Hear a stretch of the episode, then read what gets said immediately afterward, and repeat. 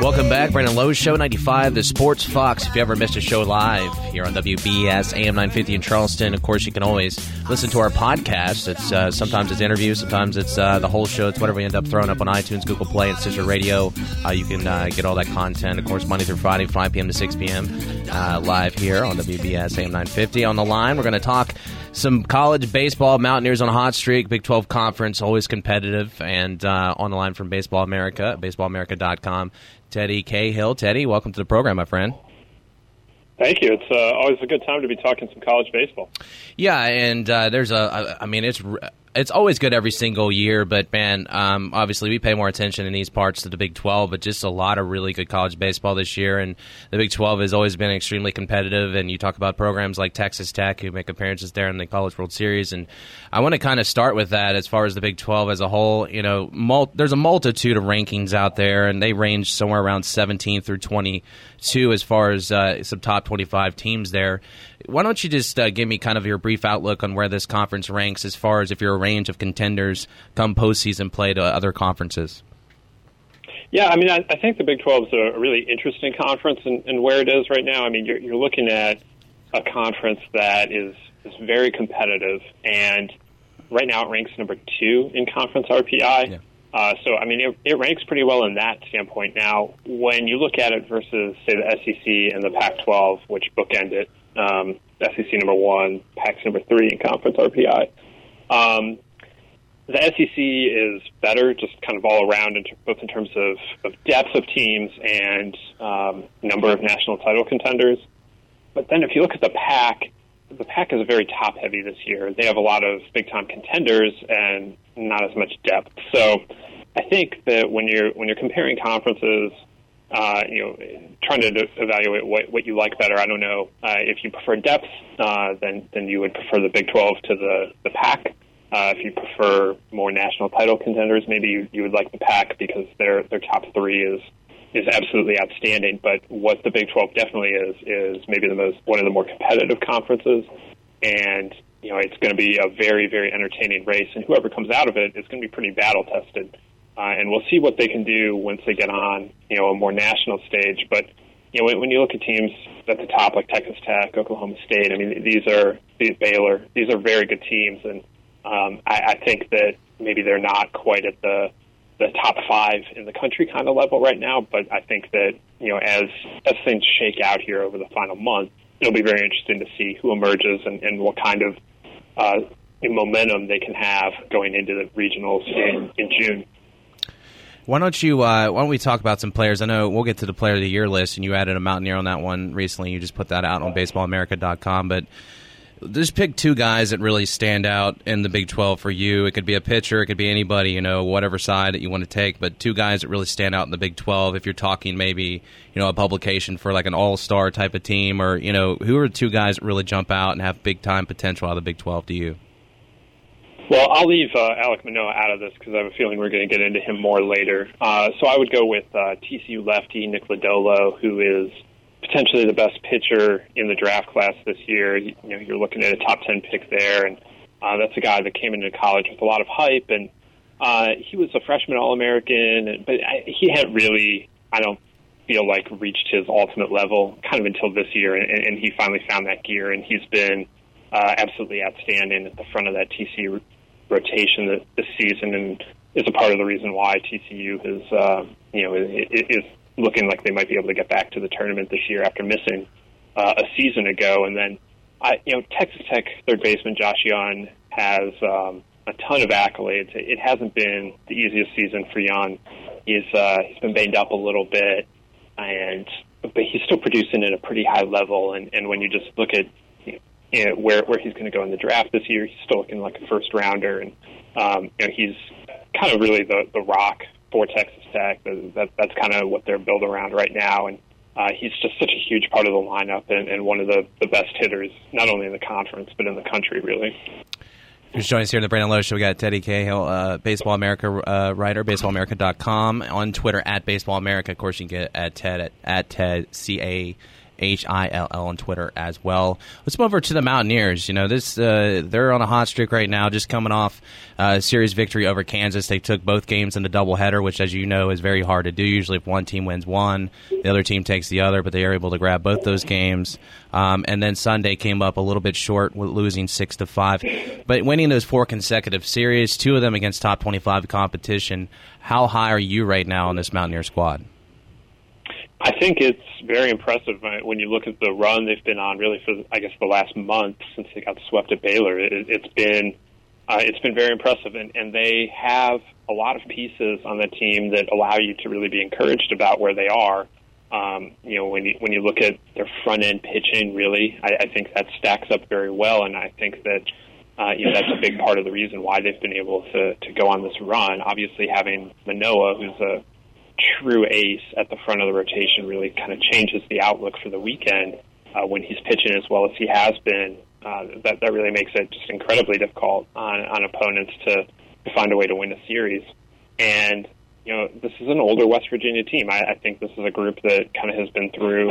Uh, you know, they have a lot. They just have a lot of college at bats or innings under their belt, and, and I think that's been showing, uh, especially over the last month, but really all season long. I mean, outside of the weekend at Baylor, and I mean, even the weekend at Oregon State wasn't that bad. I mean, that Oregon State's one of the best teams in the country, and so I mean, they've they haven't really they've put together you know pretty strong weekends almost every week of the year, and, and I think that that's uh, that's impressive, especially when you consider how much this team has had to play on the road.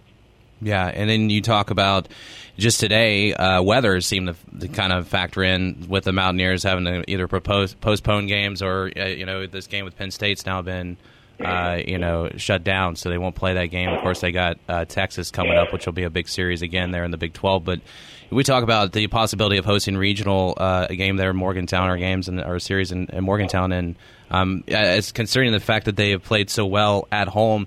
People need to realize, you know, it's it's big to play there at your home field, and especially if you're playing as well as the Mountaineers are doing this year so far. Yeah, absolutely, and I, I think even more than that, I, I don't want to minimize the, the just the not having to travel for regionals. I mean, that that's a big part of it too. But just when you're looking at program building, that's a big step. And what Randy Mazey has been able to do over the last seven years has been really impressive to get West Virginia back in the NCAA tournament and, and this year having the kind of year that they're having right now. And then if you can, you know, turn that into hosting a regional, that that's just a kind of the next step as a program. And, and if they are able to take that, I mean, that, that's a significant accomplishment that they can, uh, you know, not only use to their advantage this year in, in the regional as they, they try to try to get to a super, but also, uh, you know, as as they look to continue to this momentum going forward to, uh, you know, kind of capitalize on the year, that that becomes a, a big piece, uh, kind of at, for the program, not only this year but but into the future as well. You mentioned Randy Mazey. He picked up his 400th career victory this this past weekend. Mazey came over from Fort Worth, Texas, over there at TCU, and completely revamped this baseball program. Uh, I'm sure you remember, you know, before the ballpark and all that stuff, they were traveling around much what Marshall has to do now. Uh, but you know, they they really were playing in a small um, venue and, and traveling around more and more road games. So to be able to build something like that, and Mazey comes over and brings uh, sort of a, a, different kind of attitude towards the program, and he's recruiting very well, also in state, which is huge, and kind of creating a culture that guys just want to play hard and win for. It's it's a big thing for this program. Absolutely, and and I think that you know that, that that's all part of you know what what it takes to to win in the Big Twelve is you have to uh, you know, develop all of these things. And it, it's a difficult conference, and West Virginia is in a unique situation within that conference. Just you know, not really being uh, most of these schools are either in Texas or right there and, and have access to that talent pretty easily. But West Virginia's been able to find a niche, and, and they've been able to convince some kids to come up and play for them. Uh, you know, not only from that area, recruiting in that area is, is hugely important, uh, as it is for, for any college baseball program. But I mean, you're able to get a guy like Manoah and convince him to come to Morgantown, and uh, you know all of that, the culture, the ballpark, uh, the coaching staff. That, that's all a part of why you can convince kids to do that. And, and I think that uh, you know that it's been impressive to to see this build happen because it you know as West Virginia baseball fans are well aware of it. You know, it, it hasn't been like this for a long time. So. I, I think Randy Mazey deserves a ton of credit for, for what he's been able to put together here uh, over the last seven years. Join us here on the Brandon Lowe's Show on 95 Sports Podcast. Teddy Cahill, base, uh, Baseball America writer. BaseballAmerica.com is the website over there. At Baseball America on Twitter. Um, yeah, I, uh, I, I think it's impressive what he's been able to do to bring guys like Manoah all the way from Miami, Florida, as you know, and uh, Manoah has just become, as you said, an ace. He's been on fire as of late. He had 15 strikeouts and no runs allowed in that first game of the doubleheader against Kansas.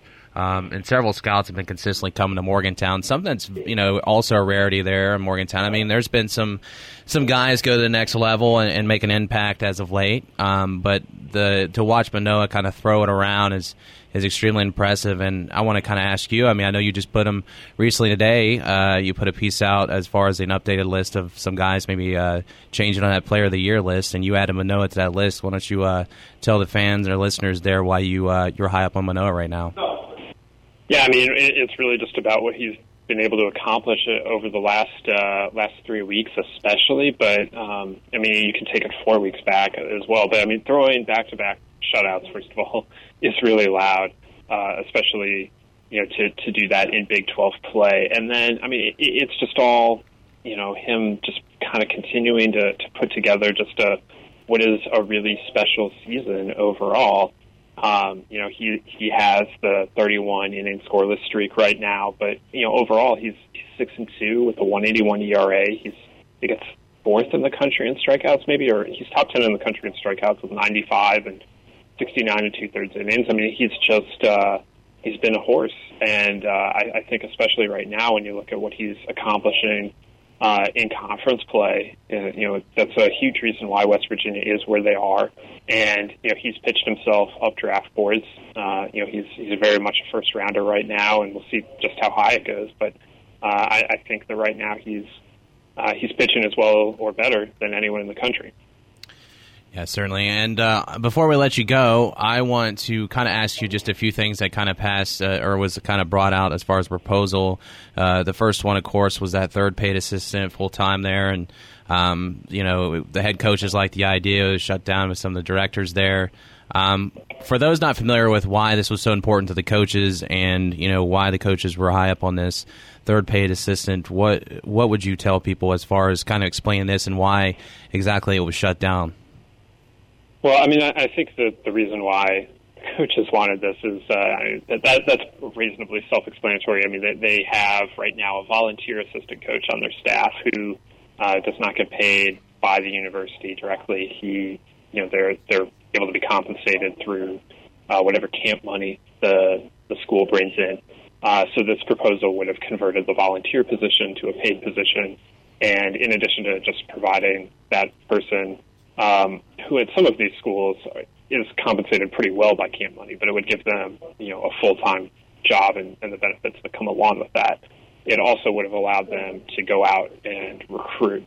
Uh, currently, the the volunteer coach is not allowed to. So um, it would have, you know, improved the life of one of the, the coaches on their staff and also helped kind of ease the recruiting burden for, for everyone. Uh, so that's that's kind of why the coaches wanted this to happen, and also um, you know, that there just aren't as many coaches uh, per player in baseball as there are in some other sports. So they were they're kind of hoping to um, you know improve the the coach to player ratio. Although again, um, you know these volunteer coaches do so much work already that that that part of it um, was maybe a little less important than just providing benefits and, and and getting another recruiter on staff. Now, why this didn't happen? Well, I mean, it would cost money, and ultimately, I feel like in this environment, uh, a lot of athletic directors looked around, um, saw that how much it would cost them. Uh, it was coupled with a the the softball would also gain an assistant. So you're talking about adding two jobs to your to your staff, and um, in in a way that doesn't you're going to have to spend more money in a way that doesn't either benefit football or directly benefit student athletes in a really obvious way. And I feel like in 2019, if you're not doing, if you're not saving money, not benefiting football, and you're not clearly benefiting student athletes directly, then I, I feel like for a lot of athletic directors, it was a it was a tough tough sell. Yeah. And clearly, that that's what it turned out to be because the proposal was defeated. Yeah, and then you look on the other side. You know, you mentioned recruiting, um, and it almost feels like uh, these should have been switched because then you talk about the uh, revised recruiting calendar, which shortens the number of days coaches are allowed on the road Uh, you have those additional dead and quiet periods uh, that was passed by the Division One Council. It's almost like you should have, in my opinion, should have been switched the other way for both these rules as far as if you're going to go recruiting aspect. And I think, as you said, it's mostly just making sure money wasn't more money wasn't pumped into the uh, the coaching staff. Well, I mean, in some ways, the recruiting calendar was supposed to work in conjunction with this because there was a little bit of a concern among even some athletic directors who were proponents of the third assistant but they didn't really want to vote to give them a third assistant just to see them right. spend all their time on the road. Uh, they didn't really want to give them, uh, you know, just a, a, a pure recruiter to their staff. So they, you know, did this revised recruiting calendar, which was designed to limit the number of days that you're allowed on the road, which would also, you know, force coaches to be uh, back at practice more often, and um, a whole host of things that, that baseball coaches were uh, mostly on board with. I, I would say that there there there's definitely some dissent among coaches about that revised recruiting calendar, but a lot of them view it as a positive. Um, so I, you know, I think they're largely happy that that got passed. Um, you know, it, it it's a weird deal overall that um, you know that they passed that and not the other, but um, it the the Division One Council is is made up of you know representatives from every conference, yeah. athletic directors around the country, and uh, that that it's difficult to get them all on the same page as the, the baseball coaches, obviously, and, and that's what that's what kind of got illustrated last week. If uh, if anyone needed a reminder, it, it got laid out pretty bare uh, a week ago. I think it's just interesting. You know, it shows how much money drives. You know, this as I put it, this amateur sports and um, because you look at football and, and, Alabama has what you know twenty analysts uh, that are paid, but then you look at baseball and it's like, well, we're not going to add a third assistant, but uh, but hey, you can keep volunteering them. It's it's kind of a strange dynamic when you look at where the money trickles down, at, and obviously football across the country runs. You know the entire other and funds a lot of things in the other programs, but I just find that um, that's just kind of a big example of, of what what what it means whenever the you know what's most important for these athletic departments as far as money is concerned. It, it does, but at the same time, you know, Alabama is also only limited to ten full-time yeah. coaches. Now, they got football recently got an extra assistant coach. They're just up to ten, but yeah. those analysts at Alabama, those aren't regulated by the NCAA, and um, baseball's on-field staffs have grown as well. There are many Power Five conferences that, uh, I mean, they aren't they aren't at Alabama football level in terms of analysts, obviously, right. but they are growing the number of guys working behind the scenes. And, you know, that, that all is happening because the NCAA regulates how many on-field coaches you can have. And as long as that happens, um, you know, some of these schools are, are just going to add, um, you know, people working behind the scenes uh, that can't coach kids on, on the field, but can help, um, you know, with other aspects of the program. And, um, you know, so we're going to continue to see that, but I, they are going to go go back and try and figure out how they can add another assistant coach. I mean, that I think the fight for that is going to continue. We'll see how successful that is moving forward, but uh, right now they're they're in regrouping mode, obviously. Teddy Cahill, Baseball America writer, baseballamerica.com. Uh, check out his work. He recently just put out a thing I just saw on Twitter there. Um, WVU Baseball actually shared it over there. Uh, Player of the Year just mentioned that as far as Alek Manoah being on that list now. And uh, certainly be fun watching that kid at the next level. He's fun to watch right now. And uh, you can follow Baseball America on Twitter at Baseball America and uh, Ted over there on Twitter at Ted uh, Cahill. That's C A H I L L. Teddy, appreciate your, appreciate your time today on the show. Absolutely. Happy to, like I said, always happy to talk college baseball.